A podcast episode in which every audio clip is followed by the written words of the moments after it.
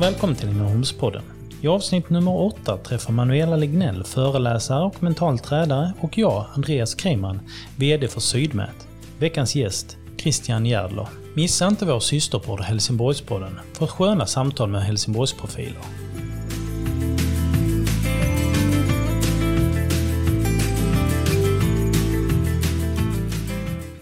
Eh, välkommen till Ängelholmspodden. Jag heter Manuela Lignell och med mig idag har jag Andreas Kreiman, VD för Landskapsprojektören och grundare till Ängelholmspodden. ja, faktiskt. Välkommen hit. Tack, tack. I dagens avsnitt träffar vi Ängelholmspågen som tagit sig via ÄFF till andra stora fotbollsklubbar, både som spelare och tränare. Han är tvåbarnspappa och fotboll har alltid varit en stor del av hans liv. Idag är han huvudtränare i Mjällby AIF. Varmt välkommen hit Christian Järdler. Stort tack.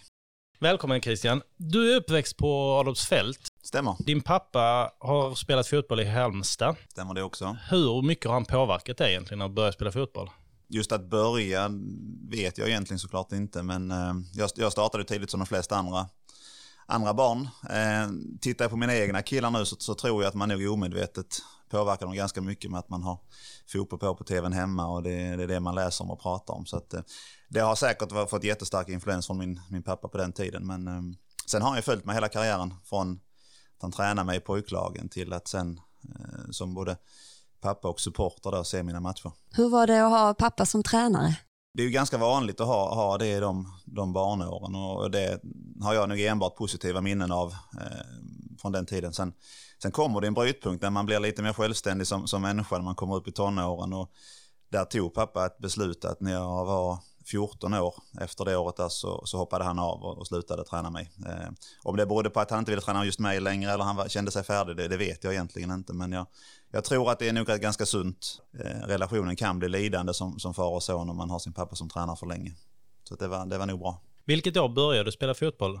Det borde ha varit någonstans 87, 88, jag är född 82 så att när jag var 5-6 år i fotbollsskolan i EFF. Och du var kvar i EFF och fortsatt på fotbollsgymnasiet? Mm halvt. Jag flyttade mitt i gymnasiet, eh, årskurs 1 och eh, halva tvåan gick jag på Rönne gymnasiet. Eh, och sen så där vintern eh, januari 00 så gick jag till Helsingborgs IF och då flyttade jag också in i började på, på Filborna. Hur var den eh, transaktionen egentligen att flytta så mitt i en, eh, i en årskull? Kom du lätt in i laget i Helsingborg eller? Ja, jag, fly jag flyttade ju på vintern så att jag prioriterade fotbollen att komma in i säsongen när, när den startade. Sen blev det de, som sagt mitt i tvåan skolmässigt. Så att, eh, det, där har jag ju faktiskt gjort ett ganska stort arbete på den tiden att ta igen. För att kurser läser ju inte i samma ordning. Även om det är samma program så hade helsingborgarna läst historien, inte vi hade gjort det här och så vidare. Så att den till exempel fick jag läsa in hela historiekursen själv. Eh, för att den var redan gjord i Helsingborg. Så att, med lite självdisciplin och, och eh, hårt arbete och också lite lite krav från föräldrarna att du får inte hoppa av skolan här för att du blir fotbollsspelare utan det här ska du, ska du göra rätt och det hade jag ingen tanke på att göra utan jag, jag gjorde klart skolan och, och eh, kom in till Helsingborg där 00 när HIF var väldigt bra. De tog SM-guld 99 och skulle spela Champions League så det var ett, ett starkt HIF, ett bättre HIF än det just nu som jag kom till då. Hur var det att komma från FF till HIF?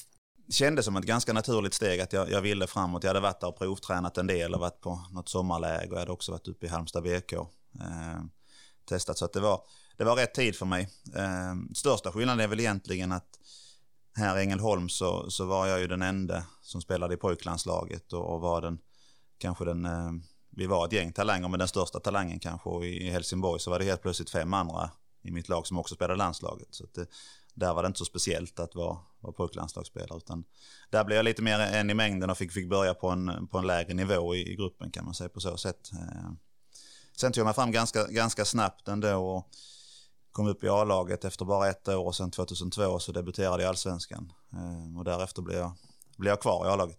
Hur kom det sig att du inte gick till HF direkt i, när du skulle börja gymnasiet? Var det inte en tanke på det då eller? Jo, det, det var det absolut. Eh, men jag kände mig inte, inte färdig för, eh, för det dels kände jag att jag hade fortfarande utvecklingsmöjligheter i EF för att jag kunde bli bättre här och eh, sociala biten också. Att jag tyckte nog att det här året jag fick extra att bo hemma var, var nyttigt för mig just då. Eh, fortfarande tidigt att flytta själv när man är 17 och 16 hade varit eh, ännu tidigare. Så det, var, det blev nog bra val. Ja, sen fortsatte du i HF ett par år. Mm. Hur, eh, hur utvecklades din karriär egentligen när du var där? Eh, nej men det, det, gick ju på, på rätt håll hela tiden. Jag klarade mig från skador och jag Ja, det var lite ovanligt på det sättet från, från den matchen jag debuterade mot AIK hemma i, i, juli 2002 minns jag var min första match. Från, fick spela från start i debuten och många andra unga blev inbytta för en kvart kanske. Så, men jag startade matchen eh, och därefter spelade jag egentligen alla matcher som jag kunde spela. Så att, och det, där handlar det mycket om i, i en fotbollskarriär med lite tur och lite timing och komma in, komma in rätt och, och, när man väl får chansen att komma in att man lyckas direkt. För att hade jag som, som 19-åring då gjort en dålig match och förlorat så hade förmodligen varit ute nästa match igen. Men nu, nu gjorde jag en bra debut, vi vann över AIK med 3-1 på hemmaplan på Olympia och sen, sen blev jag kvar. Så att jag, jag eh, gjorde ju en, vad blev det, hela 2002, 3, 4 och på sommaren 5 så såldes jag och flyttade till Turkiet, till Gensel Beligi. Ja, och de tog in en, en annan svensk spelare också, Fredrik Risp. Mm. Eh, tränaren hade bestämt sig att han ville ha, ha någon skandinav i backlinjen för att eh, skandinaver ses i fotbollsvärlden som, som lojala eh, lagspelare som, som gör vad man blir tillsagda och jobbar hårt. Så då var han på Olympia två gånger och såg mig spela. Han upp i Göteborg och så Fredrik. Han spelade IFK Göteborg då. Eh, bestämde sig för att köpa oss båda. Kände ni varandra innan? Nej, inte alls två år äldre än mig så vi hade inte gjort någon landskamp ihop eller så heller. Utan jag, jag hade mött honom och visste väl vem han var men vi, vi kände inte varandra. Jag kommer ihåg dig sen vi var lite mindre faktiskt, eh, mm. när du då bodde kvar här i Ängelholm och, eh, och jag är ju vän med din syster också, Sofie, och sen har du en syster till som heter Sara. Och jag vet ju att ni är en fotbollsfamilj och man har alltid vetat att ja, men eh, Christian han kommer gå för fotboll. Och tänkte här när du berättar om din första match eller debut i allsvenskan, jag måste ändå bara fråga, när man då kommer från en sån här fotbollsfamilj och det har varit fotboll hela livet, va, hur känns det att gå ut där på planen och få spela sin första match? Jag, tror, jag tror att den debuten kommer man nog aldrig att glömma.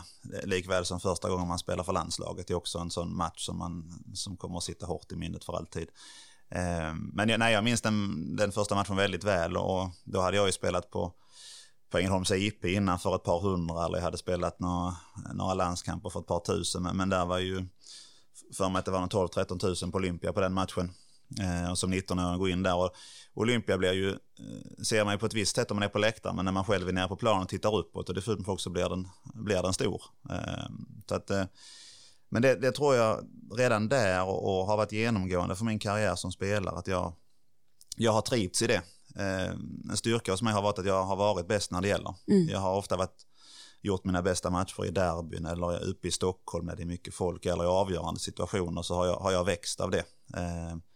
Vilket i andra, andra änden har varit nackdelen att det har varit lite svårt kanske för mig att, att ladda om när man möter Gävle eller Häcken eller en mindre klubbar där det inte är någon, något direkt tryck. Utan jag har, jag har haft en förmåga att när, när, när jag verkligen behöver vara bra och när, när det är som mest tryck, eh, då har jag presterat som bäst. Vad tror du det beror på att du har liksom kunnat eh, prestera som bäst när det verkligen gäller? Jag tror att jag trivs med den pressen. Jag tror att jag trivs med trycket att nu ska det levereras och det är inte imorgon och det är inte om fyra timmar utan det är nu och, och, och någonstans en, en, i grunden en vilja, klart att, att vara duktig och en vilja att visa sig, sig bra. Nu, nu har jag min chans att visa det och då ska min, min själ ta den.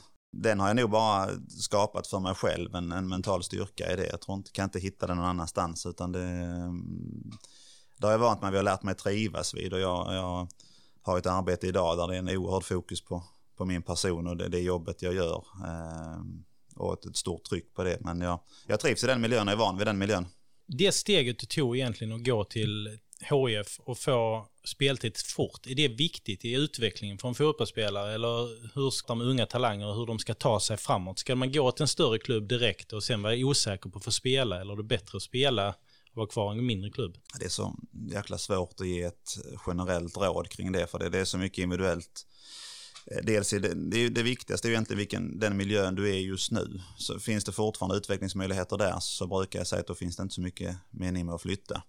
Ehm, och du har de sociala värdena också, att trivs du runt om, eh, är du trygg hemma, har, har du det fungerande runt om med kompisar och så, så, så tror jag också du har större möjlighet att lyckas på planen. Så det är jättesvårt att ge något generellt råd där. Jag tror att det viktigaste för unga spelare är alltid att, att man, man, eh, man prioriterar utveckling, att man prioriterar tid på planen. Ehm, det, det är inte så viktigt att, tjäna 10 000 mer i månaden men sitta på bänken och inte, och inte synas. Så att det, det kommer att, att straffa sig längre fram. Så att, att man verkligen prioriterar att man är på ett ställe där jag känner att här kan jag bli bättre och här får jag spela. Det, det är det viktigaste. Sen är det alltid oerhört tufft för spelare att ta det sista steget och, och som jag sa tidigare så är det, det är lite tur och det är lite tillfälligheter. Jag, för min egen del så kom jag in för att Micke Hansson som spelade på, på den platsen då fick en korsbandsskada uppe i Örebro. Eh, och veckan efter det så behövs ju någon annan in och spela och då, då var jag på tur och jag fick chansen och som jag sa innan hade jag gjort en dålig match så kanske det hade varit min enda match för jag hade blivit en division 4-spelare eller division 2-spelare men nu, nu gjorde jag det bra där och sen gjorde jag alla matcher efter det. Det är många spelare som är väldigt duktiga. Jag brukar säga det när jag pratar på, på avslutningar eller jag har varit gäst på, på skolor eller fotbollsgymnasier. Så tittar jag på mitt lagfoto eh, från en poj pojkar 16-års landskamp som jag spelade mot Norge. Och då är det ju de, de 11 bästa, 11 svenska bästa 16 som, som är samlade och spelar. Så, så var det ju inte mer än fem stycken av de 11 som sen nådde allsvenskan. Vilka fanns med i den årskullen? Kim Källström, Bojan Djordjic som sitter i tv nu som var Manchester United då. Det gör Källström också. Källström sitter också i tv nu ja. Jag är skåning så jag kommer aldrig få sitta i tv. där var eh, Stefan Ishizaki också i tv. Eh, ehm, det är väl de jag kommer ihåg nu så här på rak arm direkt. Mm. Mm. Det är rätt intressant det här med, med lagspel. Vi, vi träffade ju Marcus Turesson eh, för några avsnitt sedan och eh, han berättar just om vikten vem man har bredvid sig när man spelar och lite som du är inne på också det här med tillfälligheter. Vad är, vad är det som sker? Vem är det man har bredvid sig? Hur kan man tillsammans skapa liksom ett bra resultat? Vad, vad tänker du kring det? Nu var det ju liksom hockey han har spelat och du har fotboll, men är det lika viktigt i fotboll att man har att det är liksom laget, eh, vilka man spelar med som är avgörande för hur du som individuell spelare kommer utvecklas. Absolut. Absolut är det så. Sen fotboll är ännu mer komplext än, än hockey eh, i förhållande till att i hockey spelar du med fyra stycken andra, i fotboll är man elva. Planen är mycket större, det, det, hockey är korta byten och sen får du ut och prata. En fotboll är du 90 minuter och ibland kan du knappt kommunicera under de 90 minuterna. Så där är man ännu mer beroende av att, att man äh, har en, en bra relation med sina spelare runt omkring sig skulle jag säga. Ta tillbaka till mig själv igen så hade jag en viktig period eh, i, i HF när jag fick spela bredvid Jesper Jansson som numera är sportchef i Hammarby men en väldigt, väldigt duktig allsvensk spelare på den tiden och någonstans runt tio år äldre än mig tror jag. Ehm, som, som hjälpte mig jättemycket. Ehm, som stöttade mig och som gav mig tips och han hade varit, varit proffs i både Belgien och Italien när han kom tillbaka till Sverige. Ehm, så att för, för mig var det, var det jättenyttigt då. Så att, absolut är det så.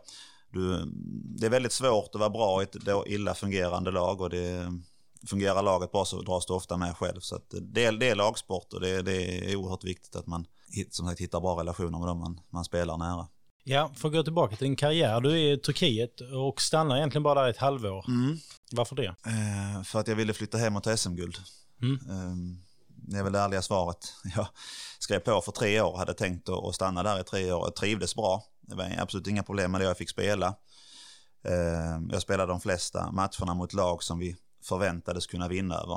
Eh, för er som inte kan turkiska ligan, på den tiden, 15 år sedan är det nu, så, så var Gençlerbeli, som det uttalas på turkiska, eh, ett lag som ofta var, var efter de allra största. Så att vi, vi var ett ganska bra lag. Jag var väldigt offensiv som, som vänsterback så jag fick spela mot de mer, lite sämre lagen som vi skulle vinna. Sen satt jag lite mer på bänken kanske mot de största. Eh, men ett, jag som sagt trivdes bra, ett, ett bra land att bo i fantastisk mat, fantastiskt väder, trevliga människor. Och, ehm, det är ju fotboll som gäller 100% i Turkiet. Här, här i Sverige är vi duktiga på skidor och på tennis och på basket och på handboll och på, på allt egentligen. Men, men turkarna kan ju nästan bara fotboll och till viss del basket. Så det är ett enormt intresse. Fantastiskt runt, att vara runt de matcherna. Men de är ju extremt aggressiva i sin, eh, sitt val av lag också. Om man åker till Istanbul så får man ju befinna sig på rätt ställe om man då hejar på Galatasaray eller om man hejar på Fenerbahce. Så ja. det är ganska heta, heta känslor där kan jag ja, tänka mig. Du ska inte gå med, med en gul Fenerbahce-halsduk på fel sida på, på spåren, då ligger du risigt till. Eh, så, så, så, är det. det, men det är något för oss som är på planen så är det en otrolig stämning med det trycket som är runt om. Ehm, men nej, men det, det föll sig så att, att Malmö vann ju SM-guld 2004, eh, var ju Sveriges bästa lag just då. Eh, de sålde sin vänsterback Josef Elanga till, till Bröndby och ville ersätta honom med mig. Eh, och det här tänkte inte jag från början att jag skulle, utan jag, jag åkte hem till Sverige och firade jul och skulle tillbaka till Turkiet igen. Eh, men under den här julledigheten så, ja, så var Malmö väldigt, väldigt, väldigt intresserade av mig och, och låg på väldigt hårt. Eh, eh och, och ehm, min turkiska klubb ville ha in en forward och hade full utlänningskvot. Så för att kunna ta in en forward så var de tvungen att sälja en utlänning. Och då var jag den enda de hade bud på. Ehm, så då blev det naturligt för dem att ja, men vi kan släppa en vänsterback eh, och köpa en forward. Och Malmö ville jättegärna ha mig och för, egen del så kände jag att Malmö är så pass bra nu så att eh, min plan var att flytta hem till Sverige och ta ett SM-guld. Eh, för jag trodde det skulle vara fullt möjligt och sen så ut i Europa igen. Det var, det var tanken, sen blev det ju inte så. Nej, det var en match mot Hammarby som blev lite annorlunda. Ja, tredje omgången, Hammarby hemma, annandag påsk. Eh, så eh, ja, kolliderar i luften helt enkelt med, med min egen på tal om bra relationer ute på planen så i det här läget så, så var kommunikationen bristfällig och vi... Det säger väl han också i klippet efter. Först gör ju mål, självmål. Ja, självmål gör han först ja. Och då var det dålig kommunikation med målvakten och sen så går han på en andra boll som kanske han inte borde gå Nej. på. Och det var också bristfällig kommunikation säger han. Ja, han hade en, svår, en tung match. Uh, men, men det, nej, det slutade ju för mig att jag krossade okbenet och, och bröt käken och, och fick en eh, rejäl hjärnskakning där. Så det var ju ambulans till, till sjukhuset och eh, operationer. Jag har ju titanplattor idag. Nu visar jag här med fingret för er som sitter och lyssnar. Men eh, under ögat som håller ihop mitt, mitt okben och eh, fick ju sätta en skruv i käken. Eh, så det, det, eh, det höll mig borta ganska länge eh, från fotbollen den, den våren. Eh, så att det blev väl så här i efterhand ganska tydligt stort tack i, i utvecklingskurvan och i, i, min kurva där, att den, den skadan kom då. Vad hände liksom rent mentalt för dig när du liksom ligger där på sjukhuset och vad, vad, liksom, vad tänker man? Det var ju min första stora skada då. Jag hade aldrig haft någon, Eh, bara haft lite muskelskador innan, utan det var ju den, den största som höll mig borta i månader då. Där. Och det är, det är en tuff period där man, man har det som arbete och man är van att träna varje dag, man är van att vara i omklädningsrummet varje dag, man, man vill vara ute på planen och man behöver de här kickarna man får av att spela inför publik och spela matcher och ut och tävla. Man är, man är van vid det, det är det man, man lever för. Och när man inte får det så blir det ju jobbigt. Eh, så nej, det var en tuff period att ta sig tillbaka från det. Sen, sen innebär det också att medan jag är borta så är det någon annan som får spela. Eh, och, och i det här fallet så var det Barang Safari eh, som fick komma in och spela på min position då, likväl som jag fick på Micke Hanssons position för några år tidigare då så fick Barang spela på min och Barang gjorde det väldigt bra. Sen blev han ju landslagsspelare och, och eh, ligamästare både i Belgien och i, i Schweiz och haft en fantastisk karriär. Så att, eh, det innebar att jag, jag eh, hamnade på bänken där ett tag när jag kom tillbaka och, och hade två år i Malmö där jag ja, var lite in och ut ur laget kan man säga. Spelade ibland på bänken ibland och inhopp ibland. Så att, um, en ny situation för mig som hade varit ordinarie i Helsingborg hela tiden. Hur påverkade det som som både människa och spelare? Jag vill minnas att jag, det här, det, att det, det, eller, det är ju tråkigt för att eh, det, det man lever för som, som fotbollsspelare, man tränar var, varje dag, det är ju för matcherna egentligen, att få, få gå ut och tävla eh, och vara med där. Och, eh, det, ehm, det är klart att humöret sänks så att, att det inte är någon höjdare att bara träna, men sen är det väl i match får man inte vara med och spela. Ehm, och det, nu sitter jag själv i den positionen då att jag väljer vem som spelar och vem som inte spelar. Men jag har full förståelse för de som inte får vara med. Att det, det, det är tråkigt eh, och det, det är jobbigt. Men, men det är också en del av det. Och det, ska man vara med i det, om detta vara med i den här branschen så får man acceptera det. Och det, det gjorde jag och körde på men eh, till sist så blev det ju en situation som jag inte ville ha och då valde jag att byta klubb. Har klubbar någon sorts psykolog eller någonting som man får prata med när man kommer i den här situationen. Att man är van vid att spela mycket och sen så helt plötsligt inte alls. Jag skulle säga att de större klubbarna idag har insett värdet av det. Eh, både ur den aspekten men också det här som, som har kommit lite eh, under highlight nu sista åren med, med prestationsångest och spelare som mår dåligt av att vara i den, den miljön som också är skapad av alla sociala medier och, och det trycket som finns därifrån. Att det har ju varit ett par fall på spelare, bland annat med Matthew Prodowski som som spelade Ängelholm innan och spelade i Varberg som valde att sluta eh, för att han mådde, mådde dåligt. Mm. Eh, så att jag tror att det, i de större klubbarna idag så finns det eh, och i de mindre så har man kanske inte anställt av föreningen men man kan i samarbete plocka in psykologisk rådgivning eller hjälp om man, man tycker att man behöver. Det är ju andra utmaningar också. Jag tänkte på just när du tog beslutet att spela i MFF och tidigare varit i HIF. Den övergången var inte heller helt smärtfri. Nej, det kan man inte påstå. Nej. Var, nej. Eh, vilket jag var fullt medveten om att det skulle bli så. Eh, kanske inte så omfattande som, som det blev och jag gick ju inte direkt från HF till, till MFF heller utan jag var utomlands och sen när jag valde att flytta tillbaka till Sverige så valde jag Malmö. Sen förstår jag att är man uppväxt i Ängelholm och spelat fem och ett halvt år i HF att det skulle tas emot illa och det, det gjorde det ju verkligen så att jag levde under hot ett tag och hade, hade faktiskt eh, livvakter inne på Olympia när jag spelade derby för Malmö i Helsingborg eh, i september 06 då. Um, så att nej, det var, det var en, eh, en, en tuff period. Um, och um, det är ju mycket känslor i, i idrott, mycket känslor i elitidrott och, och det är av många aspekter positivt men det, men det, det får ju också tråkiga följder och det, det, här är en av de dåliga sidorna med det som uppstår i sådana situationer. Tror du den situationen har blivit värre i och med att det är så lätt på sociala medier idag att skriva någonting direkt till en spelare eller kommentera på en sida än vad det var förr. Jag tänker, de måste ju hotat dig i så fall via sms. Precis, precis. Nej, det, det, det är den största, för, förutom matchfixning och det här med vi har med, med betting på fotbollsmatcher så, så är det nästa, nästa stora fara mot fotbollen. Den här enorma eh, möjligheten att, att synliggöra dina åsikter. Det är klart att folk i alla tider har tyckt och haft åsikter, men det som, eh, det som är möjligt nu att egentligen med din telefon varifrån som helst i världen gå in och kommentera alla nyheter som släpps eller gå in och skriva på vilket forum du vill och att det faktiskt syns. Eh, Eh, och det, det är många gånger rent brottsliga ehm, meningar eller ord som sätts i, i, de, i de situationerna som jag tycker är är hemskt att det får vara så. Och det, det, det kommer behövas göras någonting åt det för att det, det, det, ehm, nej, det kan vara riktigt otrevligt ehm, tyvärr. Och jag, jag är starkt emot den, den populism som kan, som kan bli när det sätts igång.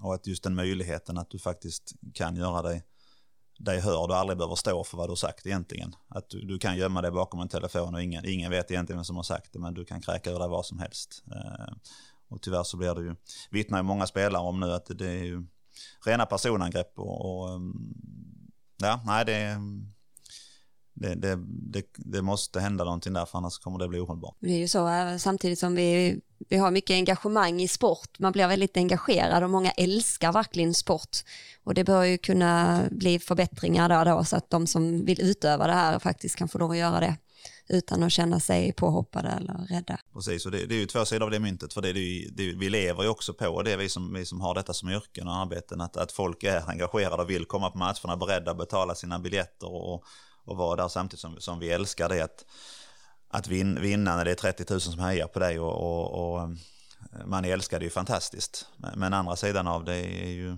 precis tvärtom. Och, och, ehm, så att det, ja, vi, vi behöver publiken, vi behöver intresset, vi behöver känslan, vi behöver engagemanget. Eh, men ehm, engagemang på fel håll eh, blir inte bra. Det är en ganska svår eh, balans egentligen att gå där för att man vill ha kvar ståplats med alla fördelar som de har. Sen så är det ju mycket nackdelar med den också. Polisen har ju sin trappa. Villkorstrappan. Ja. Som de, de jobbar sig framåt med som kan bli ganska negativt för, för ståplats egentligen. Hur ser du egentligen på den utvecklingen av eh, supporterkulturen?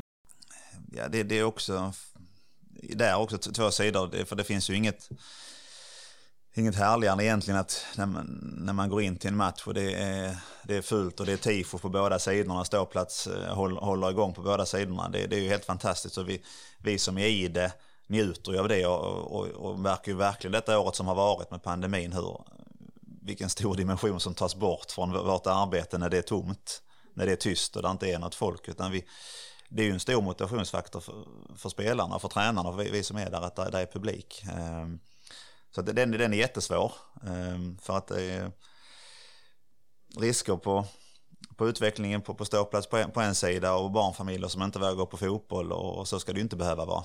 Samtidigt som det trycket som kan skapas och, och ehm, stämning som kan vara är, är också någonting som vi verkligen njuter av på det sättet.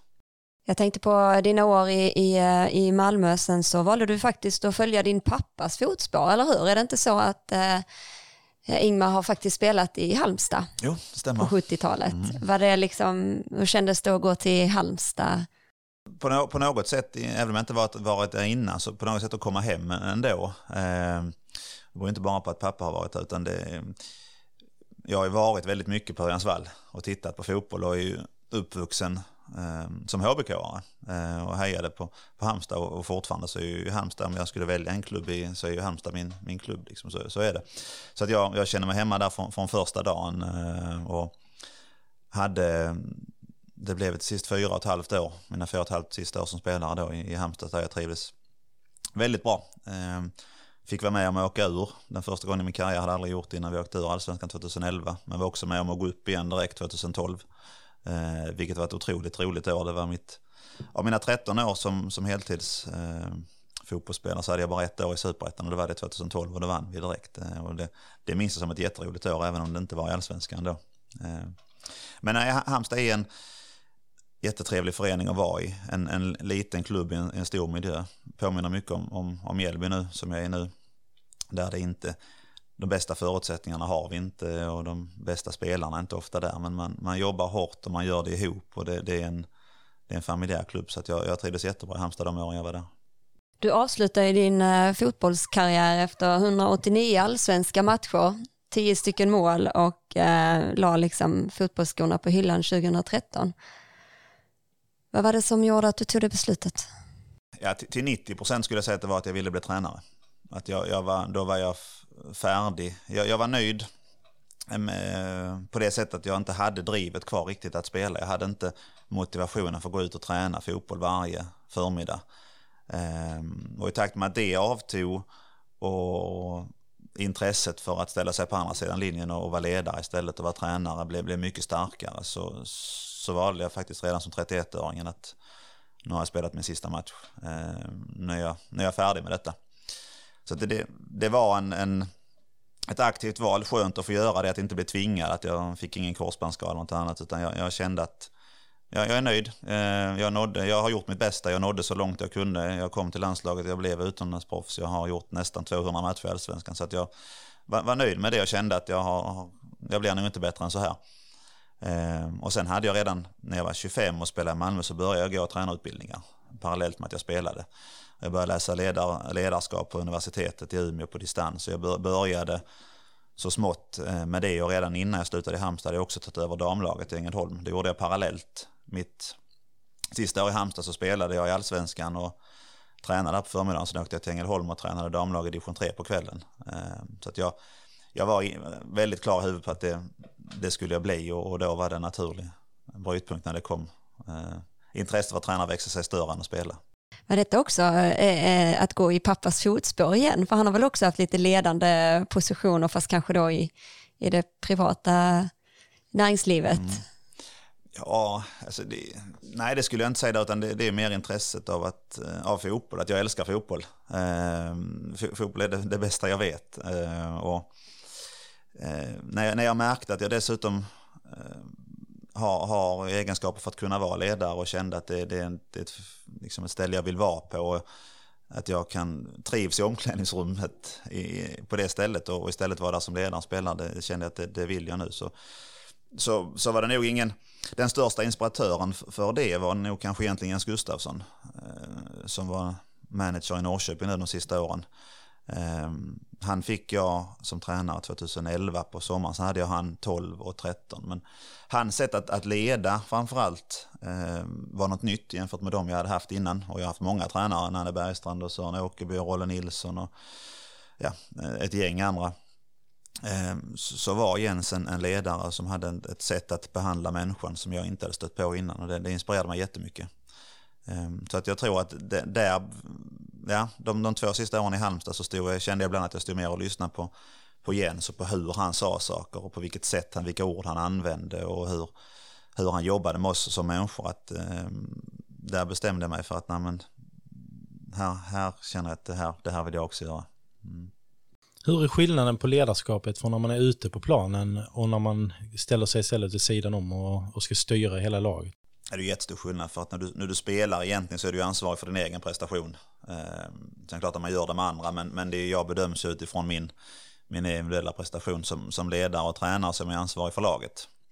Förlorar laget så är det ju i regel tränaren som har gjort dåliga val eller fel val eller tagit ut fel spelare eller vad det, vad det nu är. Så att det, där är, där är en stor skillnad just kring matcherna och det, det är oerhört mycket tyngre att förlora som tränare än det var som spelare.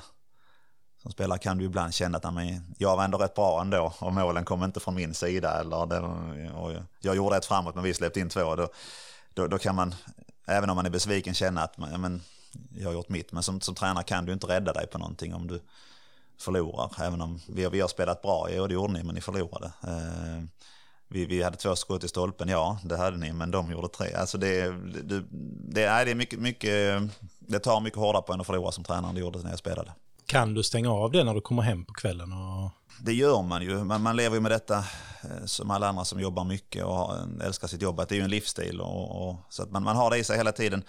Eh, sen är ju barn och, och, eh, och sambo ett bra sätt att, att komma hem och, och göra någonting annat, stänga av det ett tag. Eh, men, men eh, det ligger där och gnager någonstans hela, hela tiden man har, har förlorat. Och jag har suttit uppe många nätter och, och när de andra har gått och lagt sig, jag har satt på en, någon film. Eh, till exempel jag har sett Sagan om ringen, jag vet inte hur många gånger jag har sett kon. För att bara för att komma in i någon annan värld och, och inte behöva att det maler helt utan se på någonting som får mig att ja, släppa det ett tag helt enkelt. Mm. Du inledde ju din tränarkarriär med att, eh, som du nämnde tidigare, AFFs eh, damlag. Och eh, från, eh, tog dem faktiskt från division 4 till division 2 på tre år. Men jag tänker det här med damfotboll eh, och herrfotboll, vad var det liksom största skillnaden att då vara ansvarig för ett damlag? Mm. Eh, där, där, är skillnader, men då vill jag också, måste man också eh, tänka på att min referens till, till herrfotboll kommer ju från, från proffsidrott och elitidrott. Och nu hade jag ju damer när jag tog dem som spelade division 4. Eh, vilket ju är oerhört tvära kast, förstår alla, från, från herrallsvenskan till damdivision 4. Eh, så därför är det svårt och det har varit lättare för mig att jämföra egentligen Halmstad BK med Rosengård i damer för att det, där är det proffs på båda sidorna. Men skillnader ändå som, som jag tycker var tydliga och som jag tyckte var jätteintressanta och som var oerhört lärorika för mig som, som ledare. Och jag hade ju det med mig när jag valde att ta damlaget att jag ville prova och träna tjejer och, och för att utveckla mitt ledarskap. Eh, jag tänkte jag kommer inte lära mig jättemycket fotbollsmässigt av damfotboll division 4, men jag kommer lära mig jättemycket av att, av att eh, ha en grupp tjejer. Ehm, och jag måste säga att jag hade jätteroligt, jag, jag trivdes jättebra med det jobbet. Ehm, och, vi, och vi vann ju mycket. Ehm, vi var faktiskt väldigt nära och dessutom gå upp i division 1 det sista året, så att vi, vi höll på att vinna hela tiden. Det, det, som jag lärde mig då, som jag har haft med mig hela tiden, det, det är att tjejer, upplevde jag, är väldigt noga med vad det är för syfte med saker man gör. Eh, de vill veta varför. Eh, varför gör vi detta? Hur blir vi bättre av detta? Eh, ställer mer frågor på det. Killar i 17-årsåldern, om det kommer in en tränare som spelar i allsvenskan och säger att spring in i väggen två gånger så, så upplever jag att det hade de gjort.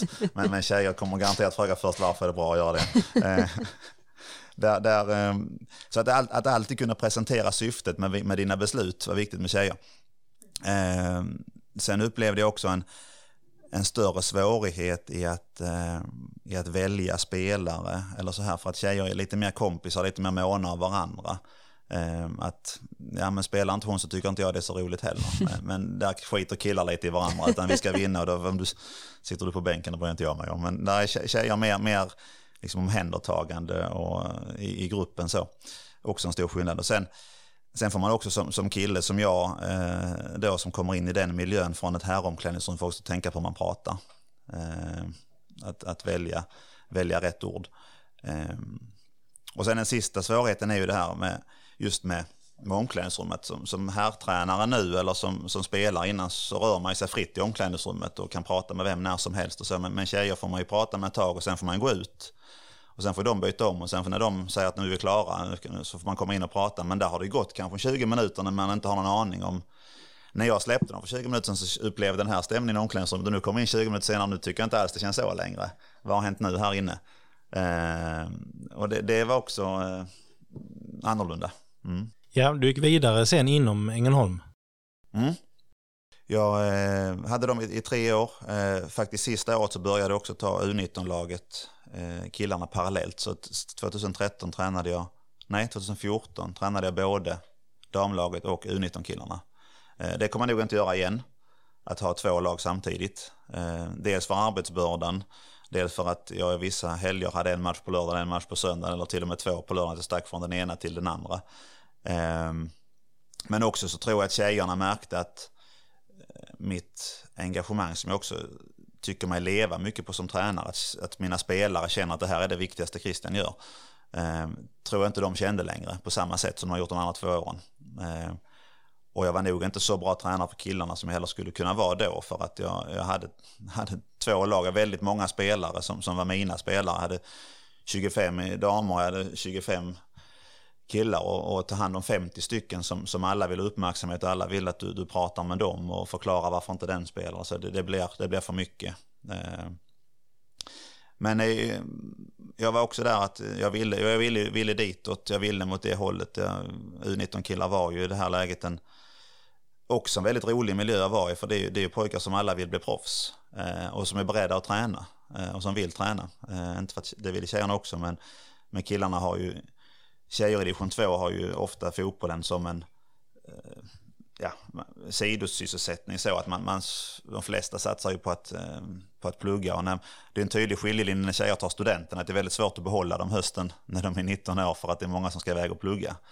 Är killarna duktiga så, så satsar de på fotbollen först och väntar med att plugga. Så, så eh, ja, men det, det var, jag trivdes väldigt bra där också. Det är ett roligt jobb att ha. Jag skulle kunna ha det igen. Att träna ett U19-lag. Eh, trivdes bra där hade dem i ett och ett halvt år, hade egentligen ingen tanke på att sluta, men Ängelholms A-lag gick dåligt. Eh, och på sommaren där så, så fick Jocke Persson som hade A-laget då sparken och jag fick frågan att ta över och då kände jag att det här, eh, både vill jag, det är min moderklubb Ängelholms FF som vill ha mig som huvudtränare i Superettan och eh, för min utveckling så är det, är det nästa steg. Eh, och då var jag, tror jag då, yngsta, yngsta huvudtränaren i elitfotboll i Sverige när jag fick den frågan och det, det kändes som att amen, jag vill ju mycket med, med det jag gör. Jag, jag har hög ambition i detta också, höga mål, så då, då var det rätt, rätt att hoppa på det då. Mm. Vad var det du gjorde för att vända skutan i Ängelholm vid den tiden igen? Ja, det, det här med resultat i fotboll, det, det, stolpe, jag har varit med och haft stolpe in och varit med och haft stolpe ut och jag vet hur, hur eh, lurigt det där är. Man kan göra så väldigt bra prestationer och förlora ändå. Man kan spela egentligen värdelöst och vinna för att eh, man får en stolpe in som sagt. Så att, Eh, nej men jag, jag, eh, jag kom nog in men, men eh, som jag skulle säga är min, en av mina styrkor då, som väldigt tydlighet. Att jag, jag resonerar som så att en tydlighet ska, skapar en trygghet och en trygghet skapar en bra spelare. Eh, är du tydlig, vet precis vad du ska göra, då, då är du trygg. i Det här förväntar sig tränaren av mig. Eh, och, och det, det tror jag de flesta mår bra av att veta var, var ramen ligger, vilka förväntningar man har på sig, vad man ska utföra ihop med andra. Ehm, så, så det, det, var väl det, framförallt satt upp en väldigt tydlig idé för oss. Både, både hur vi ville vara som, som grupp och, och sen hur vi ville spela. Ehm, och den hösten blev väldigt bra. Vi låg ju sist när jag tog över men vi tog 23 poäng på hösten och slapp till och med kvala. Så att en, en, en raketstart på min, min seniortränarkarriär kan man väl säga då. Mm. Det blev ju väldigt turbulent sen i Ängelholm. Um, och det slutade ju med att du valde att lämna. Ja, det, det, var 2016 var ett, ett eh, problematiskt år hela vägen egentligen. Redan i februari så var ekonomin så dålig att vi var tvungna att sänka våra löner med 20 procent allihopa. Eh, men det kan man inte tvinga någon som har ett avtal till. Det är ju frivilligt. Har man inte skrivit avtal så har du. Eh, det innebar att fem stycken spelare inte gick med på det här. Då, vilket är fine. Det bestämmer var och en. Men det blir väldigt konstigt i en grupp när man ska prestera tillsammans och jobba ihop att, att fem stycken springer med full lön och de andra 15 springer med 20% mindre. Eh, så, kan, så kan man inte ha det, det går ju inte. Och det, och det fick ju då till följd att jag kunde inte använda de fem spelarna som, eh, som hade full lön fortfarande, utan det var orättvist. Så att ja, ni får ha er lön men då kan ni faktiskt inte vara med och spela utan då gör vi andra det här tillsammans. Eh, men de stod på sig och behöll sin lön. Så att då, då hade jag ett väldigt splittrat omklädningsrum. Jag hade ett eh, omklädningsrum att jobba i där, där fem man eh, var tvungna att vara där och träna för det hade de avtal för och vi var tvungna att hade detta varit i Turkiet eller i England eller i Italien så hade man bara sagt att varsågoda ner till, ni får gå ner och träna med U17. Men du kan inte göra det i Sverige. Så jag var tvungen att ha dem i onklen som tar dem ute i träning på, på planen för det har de rätt till. Men samtidigt fick jag inte ta ut dem till match för det visste de också om ju. Så deras insats på träningen var ju sådär. Skapades ju naturligtvis grupperingar i omklädningsrummet. Jättesvårt att bygga någon, någon gruppdynamik och lagsammanhållning på, på det.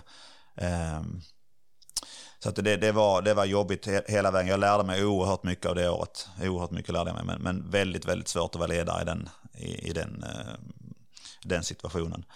Sen gick vi ju i konkursen torsdag i augusti. Ehm, vi skulle möta Sirius på helgen och Kim Bergstrand som nu tränar i Djurgården ringde mig. Ska vi komma ner eller hur blir det? Blir det match? Eller? Ja, men då fick vi reda på av ordförande att konkursförvaltaren kunde inte komma förrän på måndag. Så att vi fick ju spela matchen på, på lördagen fast vi visste allihopa att på måndag har vi inget jobb längre. Eh, för då är ju klubben i konkurs. Men eh, ja, vi får köra då. Eh, så att det är, ja, det är ett tufft år. Sen, sen kom det in något, eh, något före, företag lite Östersund-style som vi inte vet vilket egentligen. Men det kom in pengar på söndagen så att vi överlevde och spelade klart säsongen. Men jag, redan efter fyra omgångar kvar tror jag så meddelade jag styrelsen att eh, jag är färdig här. Det här. Eh, så här kan jag inte jobba det, det gör jag inte mer. Så att, eh, då, eh, då sa jag upp mig där. Sen blev det Värnamo efter det. Mm. Du sa det var ett väldigt lärorikt ja, scenario med mm, den här mm. turbulensen då. Vad, vad var det du tog med dig? Jag tror framförallt att man i, i motgång reflekterar mer eh, och, och ställa sig inför problem gör ju att man, man måste hitta lösningar på det hela tiden och, och jobba med kanske på sätt som man inte är van vid. Eh, titta utanför den, den boxen som man normalt sett är när allting funkar. Eh, så att eh, just, just det här med att, att försöka få en, få en grupp som kan vara ihop när man har olika förutsättningar, olika mål men också olika regler egentligen är, är ju, är ju jättesvårt. Eh, ja, men att, att behandla att någonstans vara var ledare, för de var ju fortfarande mina spelare. Som jag, men jag fick inte av, av, an, av andra, fick det bestämt att jag inte fick använda dem. Behålla en relation med dem som tycker att det här är för jäkligt att vi inte får spela. Eh, men samtidigt eh, jag behandlar dem på, på ett rättvist sätt, även om jag inte, ja nej, det, det är jättemycket i det, det året som, eh, som jag ärligt talat hoppas att jag inte hamnar igen. Mm. Och sen blev det Värnamo? Mm. Det blev det. Eh, och där gick det jättebra. Där, eh, om man får säga det, ja, får säga det själv så är det ju, det är ju fakta. Men där är jag ju den bästa tränaren någonsin resultatmässigt. Eh, Värnamo hade i hela klubbens historia aldrig kommit bättre än nia i Sveriges näst högsta serie. Det har ju varit både hetat division 1 och hetat superettan och så nu heter det superettan. Det var ju tacksamt att komma dit på det sättet för det var väldigt enkelt att sätta ett mål. Att första, första dagen för killarna sa jag att det här, jag då tog upp de fem senaste åren, det var ju placering 12, 11, 9, 11 och så. Och då sa jag att nu, eh, det här ska vi slå. Det är bara så, det här ska vi slå. Eh, så att det, det, det, gjorde vi, jag fick ihop ett, eh, en bra grupp. Eh, hittade roller för spelarna som, som matchade dem väl. Där vi fick ut så mycket vi kunde av, av varje. Och sen, sen slog vi åtta klubbrekord den säsongen. Vi, vi gjorde fler mål än Värnamo någonsin, någonsin gjort och vi vann fler matcher än de hade gjort och, och framförallt så tog vi, tog vi fler poäng och en högre placering än, än, än någonsin. Så att vi tog 48 poäng och blev, blev sexa. Vi slog HF både hemma och borta till exempel. Um, så att, eh, nej, ett, ett jättebra år som jag, jag minns med glädje och det är ju alltid kul att hamna i historieböckerna. Ja, och sen kom eh, Concha. Mm, det blev bara ett år, jag hade skrivit två, men, men eh, Mattias Concha som då var, var sportchef i Öster eh, och även, även Fredrik Gustafsson i Östers styrelse såg ju vad jag hade gjort i Ängelholm och så vad jag gjorde i Värnamo. Så att de, de kom redan på sommaren. Eh, visste om att jag hade ett avtal men eh, de köpte loss mig. Det händer inte så ofta i, i, i tränarsammanhang att man köper loss en tränare. Men de, eh, de ville det eh, och jag ville det. Östern var, kände jag då kunde vara nästa steg. Större klubb, större stad, bättre förutsättningar, högre ambitioner. De hade mål att gå upp till allsvenskan ja. då? Det hade de då och det har de fortfarande. Men det, hade de då. Så att det kändes som, som ett rätt steg för mig. Och, det var väldigt speciellt för familjen för vi valde att flytta till Värnamo på sommaren. Eh, och barnen började skola där uppe och, Linda började, började jobba. Och sen, jag tror vi flyttade i, i, på sommarlovet i mitten på juni där någonstans. Och sen eh, redan i september så kunde jag säga till Linda att eh, vi, jag tror vi ska flytta till Växjö nu om några månader. Eh, men eh, så blev det.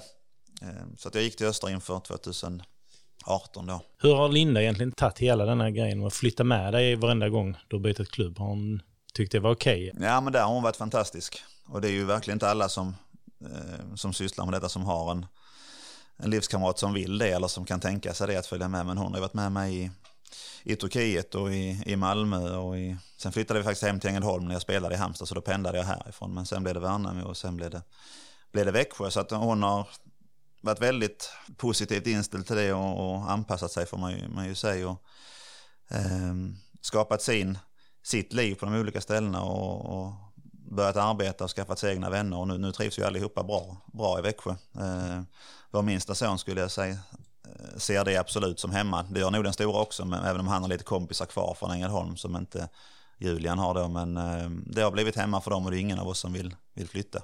Hur gamla är era pojkar nu? Eh, Isak 11 och Julian är, fyller 9. Ja, men vad hände egentligen i, i Öster? Det, det började väl hyfsat? Ja, det, det började bra. Eh, som, som det skulle egentligen. Jag fick ju, min arbetsbeskrivning just var, var delad. Dels att vi har ett långsiktigt mål på att gå upp till allsvenskan. Kortsiktiga mål på att förändra sättet att spela fotboll. De tyckte att de hade spelat en defensiv, ja, om man får säga så, tråkig fotboll och ville, ville ha mer av det som jag står för. Så att det var liksom prio ett. Vi ska spela annorlunda, vi vill spela som du vill spela. Eh, föryngra truppen var nummer två. Det var alldeles för ålderstiget. Många 30-åringar, snittålder på 28 tror jag. Jag sänkte den till 23 första året, vilket är ett, det är mer än det låter. Det är mm. oerhört stor förändring. Eh, att sänka från 28 till 23 på, på 20 spelare. Eh, sen kom vi åtta det året, mitt i tabellen, helt okej okay med den omställningen. Det tar tid att bygga in ett nytt sätt att spela, det tar tid att få in unga spelare som ska prestera direkt. Så att, fullt godkänt och, och bra. Vi jobbade vidare på det och, och säsongen 19 började oerhört bra.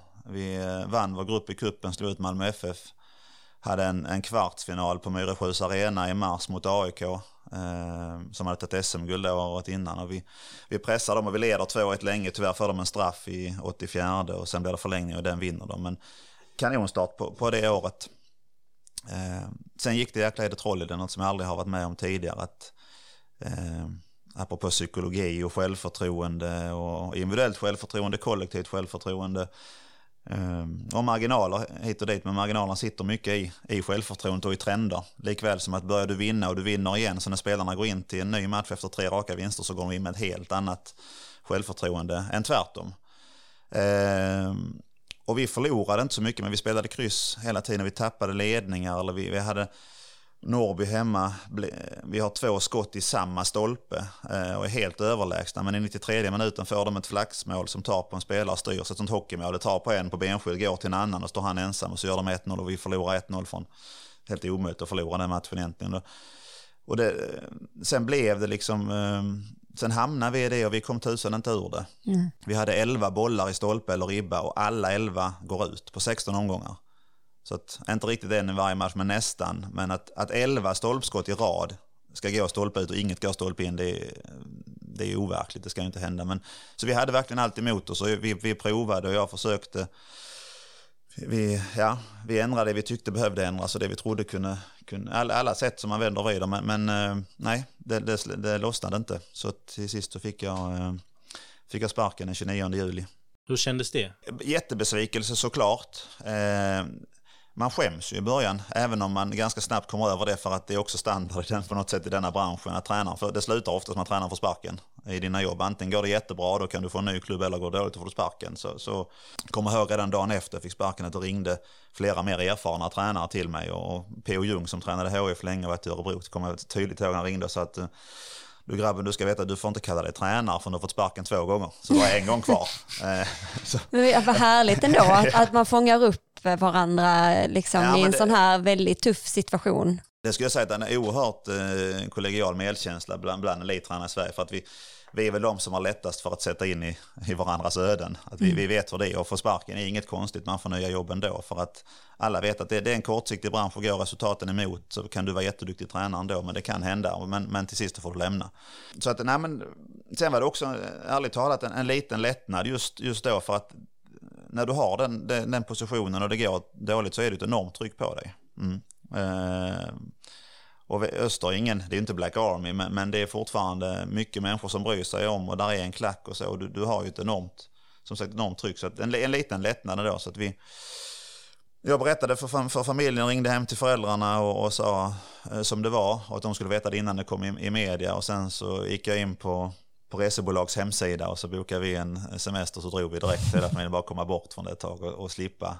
Jag tog, jag gjorde, jag bestämde för att göra en intervju. Jag gav Smålandsposten möjligheten att få en intervju med mig för att komma hem och prata med. Sen svarade jag inte på någon, någon internettidning eller någonting annat. Jag gjorde den och sen så åkte vi. Uh, uh, sen hade jag en fantastiskt bra höst. Uh, jobbat otroligt mycket innan så att en höst bara få vara, vara ledig egentligen. Eh, dels för familjen, kunna vara hemma som, som pappa hela tiden, vara hemma varje dag. Barnen kom hem från skolan var jag hemma. Varje morgon när de gick var jag hemma. Eh, och den tiden vi hade på eftermiddagar, så det halvåret var otroligt mycket värt eh, för mig med, med mina killar. Eh, och familjen hemma. Och Linda fick ju helt plötsligt en, en man hemma som hade förberett maten och som hade städat. Och, och sen så hon hade... Släppte hon iväg dig sen igen liksom? Nej, hon, hon ser gärna att få sparken någon gång något år igen. en helt annan, eh, och jag började fixa i trädgården och så. Så att det är jättenyttigt. Eh, sen tog jag också chansen att utbilda mig, för det hinner man inte när du driver ditt lag så du får inte den chansen själv till egen förkovring och egen utveckling. Så att jag var på studiebesök och jag var uppe i Stockholm och gick en kortare kurs och jag hängde en vecka ner i FC Utrecht i Holland hos dem och ville få den inblicken. Hur drivs en, en, en femte ligaklubb i Holland? Liksom, vad jag gör de? Så att eh, supernyttigt eh, där och bestämde mig, jag fick sparken att jag, kom, att jag inte skulle jobba på hösten. Då bestämde mig att jag, jag kommer inte jobba nu. Eh, utan jag satsar på ett nytt jobb i januari 2020 då. Och då hade jag ett par alternativ, men det kändes mest intressant. Jag ville gärna uppåt, vidare uppåt och då hörde Melby av sig i allsvenskan då. Och då ett jobb som assisterande tränare där, vilket passade mig jättebra just då. Dels för att komma upp till allsvenskan, höja mig en nivå och komma upp dit jag inte varit innan, men samtidigt ta ett steg tillbaks i den meningen att man inte står längst fram och behöver inte fronta det. Eh, man får andra sidan inte credden när det går dåligt, men man eller när det går bra, men du slipper mycket skit när det går dåligt. Och, och framförallt så kan du fokusera mer på på de specifika arbetsuppgifterna man har som assisterande. Huvudtränaren har ju hela tiden det övergripande och helikoptersynen där, men assisterande får ju lite mer specifika uppgifter att jobba med. Vad fick du för uppgifter då? Var det fasta situationer? Jag hade fasta. Eh, bra facit, gjorde 16 mål på fasta, en väldigt hög siffra. Eh, sen hade jag framförallt ansvaret för, för kommande motståndare. Det var jag som tittade på Norrköping innan vi mötte dem, eller Häcken innan vi mötte dem. Och och tog ut deras starka sidor, tog ut deras svagheter, valde vad vi skulle fokusera på att utnyttja, valde vad vi skulle vara vaksamma med. Och sen gjorde jag videoanalyser och gjorde prestationer och klippte ihop det och sen var det jag som presenterade det för spelarna och visade dem att nu möter vi AIK imorgon. Titta på det här, titta på det här, titta på det här. Så här gör vi. Är det en position eller en roll som tar mycket mer tid egentligen att vara huvudtränare? Huvudtränare tar jättemycket mer tid ändå för att alla beslut ska ju ändå gå genom dig. Så att även om jag har, som jag har nu, som har två tränare som är mina tränare som jag eh, som ja, redovisar till mig, eller vad ska man säga, men, men de har ju sin uppgift. Om jag nu säger till Alf att nu har vi Akropolis till helgen i kuppen nu får du titta på Akropolis tre senaste matcher. Men, och det kan han ju göra och då sparar jag ju mycket tid på det, men sen måste han ju ändå, när han har valt det så visar han ju, dels har jag gett han instruktioner på det här och det här vill jag framförallt se, hur gör de Akropolis så här. Sen är det han som hittar det, men sen måste jag ju ändå titta igenom det och säga men det här visar vi för spelarna, det här tar vi bort, det här visar vi, det här, eh, det här trycker vi på och så vidare. Så att, eh, tidsåtgången är ju ändå, även om man delegerar uppgifter så är man ändå med i allt på något sätt. Allting går igenom huvudtränaren, Inga, ingenting går till spelarna utan att jag tycker det ska gå dit. Nu tillbaka i hetluften då som huvudtränare, ja. frontline. Liksom. Precis. Mm. Mm. Jag tänker hur, eh, du har ju några erfarenheter med dig som du säger, både väldigt fantastiska prestationer. Mm. Eh, men också då som du sa några tråkiga erfarenheter och fått sparken och så vidare. Hur jobbar du med dig själv för att eh, i framtiden kunna tackla de här situationerna? Mm, bra fråga. Eh, men dels tror jag att jag i grunden, som jag sa från början tidigt i intervjun, att jag trivs med det här att vara, vara i pressade situationer. Jag trivs med trycket. Jag har, har svårt för att ha ett jobb där man inte, tror jag, har det här på sig, där man får de, de kickarna att nu står du där Christian i 90 minuter och vinner du inte så vet du om att eh, imorgon så skriver Expressen och ikväll så eh, kan folk ringa och så. Jag, jag, konstigt nog så tycker jag att det, det driver mig. Men eh, sen är det också i, liksom att, att vara huvudtränare är ju ändå, eh, då blir det ju jag som sätter de flesta ramarna. Jag, jag har ju liksom bestämmer hur vi ska spela och så. Sen, sen är jag väldigt inkluderande och jag använder mitt team på ett bra sätt och de, de har stort inflytande, tränarna, men det blir ju ändå det blir min fotboll på något sätt i, i grunden ändå, eh, som, som jag trivs med. Eh, sen, sen får man se hur, hur det går. Jag vet om att går det jättebra så kommer jag bli hyllad och går det dåligt så, så får jag skit. Du sa tidigare att du ville komma tillbaka till Sverige för att ta ett SM-guld när du var spelare. Ja. vad, vad, vad, när tar du SM-guld som, som tränare? Ja, det vill jag jättegärna göra ändå. Det, det tror jag inte att jag gör 2021, men eh, det är absolut ett mål. Men när du blev, nu blev du huvudtränare i Mjällby, hade du andra anbud? Ja, det hade jag. jag hade en, en period där jag, där jag sorterade lite faktiskt. Ibland, ibland kan det vara mycket man har, ibland är det inte alls så mycket. Man, man söker inte jobb heller i den att man sitter hemma och väntar på att det ringer. Eh, det är ju så. Men eh, den säsongen vi, vi gjorde i fjol, vi lyckades väldigt bra. Eh, jag, Marcus och Juan som, som drev Mjällby då.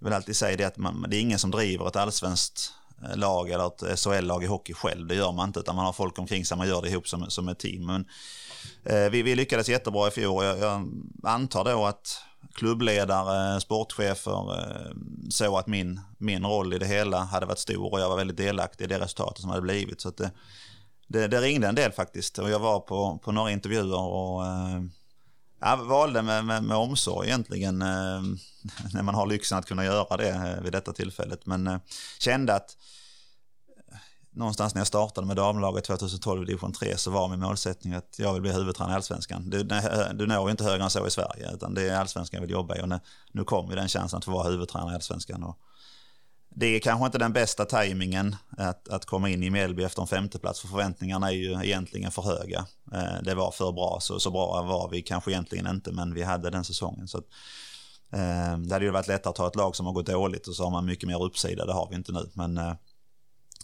det skrämmer mig inte heller utan det är, det är en utmaning. Eh, jag är där jag, där jag vill vara just nu och jag är, eh, det finns bara 16 jobb i Sverige på den nivån och jag har ett av dem. Och, ehm, det är jag stolt över och ödmjuk inför och, och kommer att jobba oerhört hårt för att, för att se till att det går så bra som möjligt. Vi har eh, några stående inslag i Ängelholmspodden. Mm.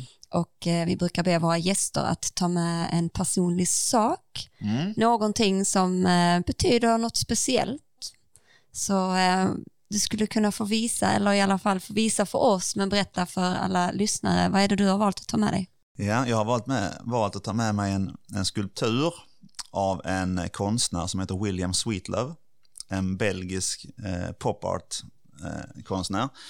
Eh, eh, där jag har med mig en, en skulptur som är en, en eh, engelsk eh, blodhund Ehm, i lite mindre storlek. Den är ganska stor ändå, men inte riktigt så stor som en riktig engelsk blodhund är med, med en ryggsäck på.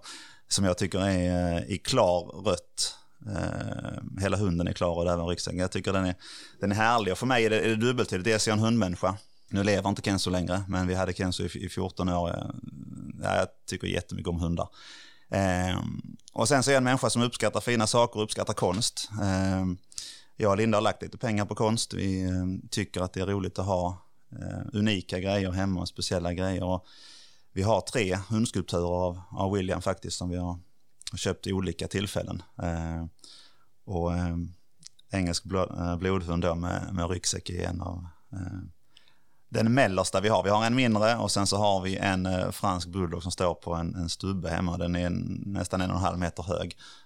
Men, mm. Den tog du inte med? Den tog jag inte med, det är lite jobbig att bära. Den, den här är tung, tung nog. Men, men vad är det som ja. gjorde att du valde just denna då av de tre? Ja, den var nog smidigast att ta med och det kanske också är min favorit mm. av de tre. Mm. Eh, den, den andra, eh, den franska bulldoggen är gul och sen så har vi en terrier som är grön. De är väldigt, målat i väldigt speciella färger. Men, ja, men det personifierar mig lite det här med att jag, jag tycker om tycker om fina saker, tycker om uh, unika grejer, tycker om uh, ingen konstkännare ska jag verkligen inte säga, men vi, vi tycker det är, är, roligt att ha tavlor som inte är köpta någonstans där alla kan köpa, köpt direkt av konstnärer. Och, och de här hundarna som är köpta på galleri men från en så att jag vet inte, det kanske kommer det läggs upp något kort i samband ja. med det här så kan det, folk få se vad vi pratar om här. Absolut. Det låter förmodligen jätte, jätte, kanske låta märkligt. Men den, In och kolla på bilden. Ja. Mm. vad bra, du ser framför dig har du också en skål. Det är så här att alla gäster får lov att skriva eh, två stycken frågor som man skickar vidare. Och när man är här som gäst får man då ta en eh, lapp ur den här mm. skålen och sen så får man läsa upp frågan och eh, svara på den. Den valde dig, den ena frågan där. Så ja, den hoppade ur. Ska jag skulle låta lite så att folk faktiskt ser att det är på riktigt. Eller hör att det är på riktigt. Men jag, jag tar den här. Eh, det var en ganska tacksam fråga för mig. Det står, lever du din dröm?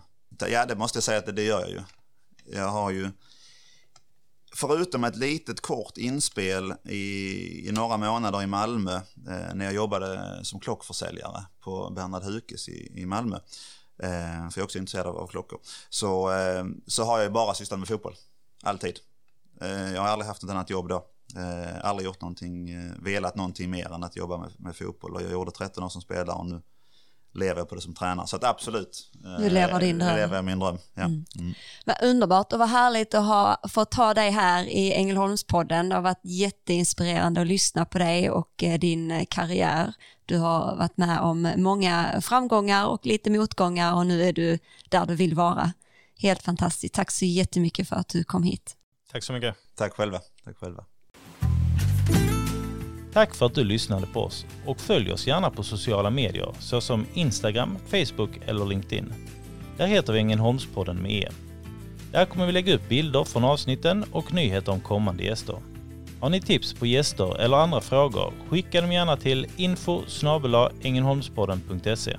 Vi skulle vilja skicka ett stort tack till Fredrik Larsson som lånar ut sin låt Världen är din till oss. Låten finns att lyssna på på Spotify. Och till Pierre Boman som har gjort vår logga. Eftermiddagen är så lång Kaféet är nästan tomt Och jag är lugnet själv Där jag sitter vid ett bord debatt, ett utländskt par Jag sitter mitt emot. Jag hör tidningsbladen vänds sakta bakom min bil. Det skulle alltid vara vi. Tills vi blev dom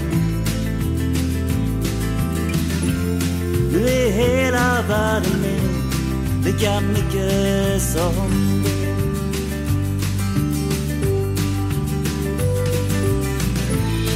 Och en livstid passerar.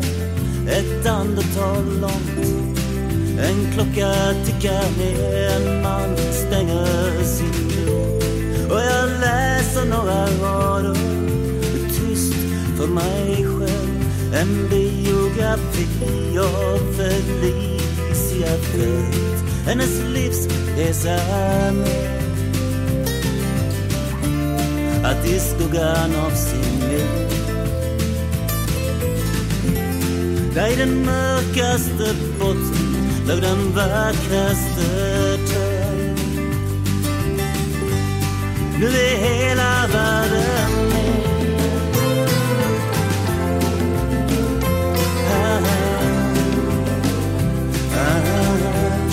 lika ah, ah, ah, mycket som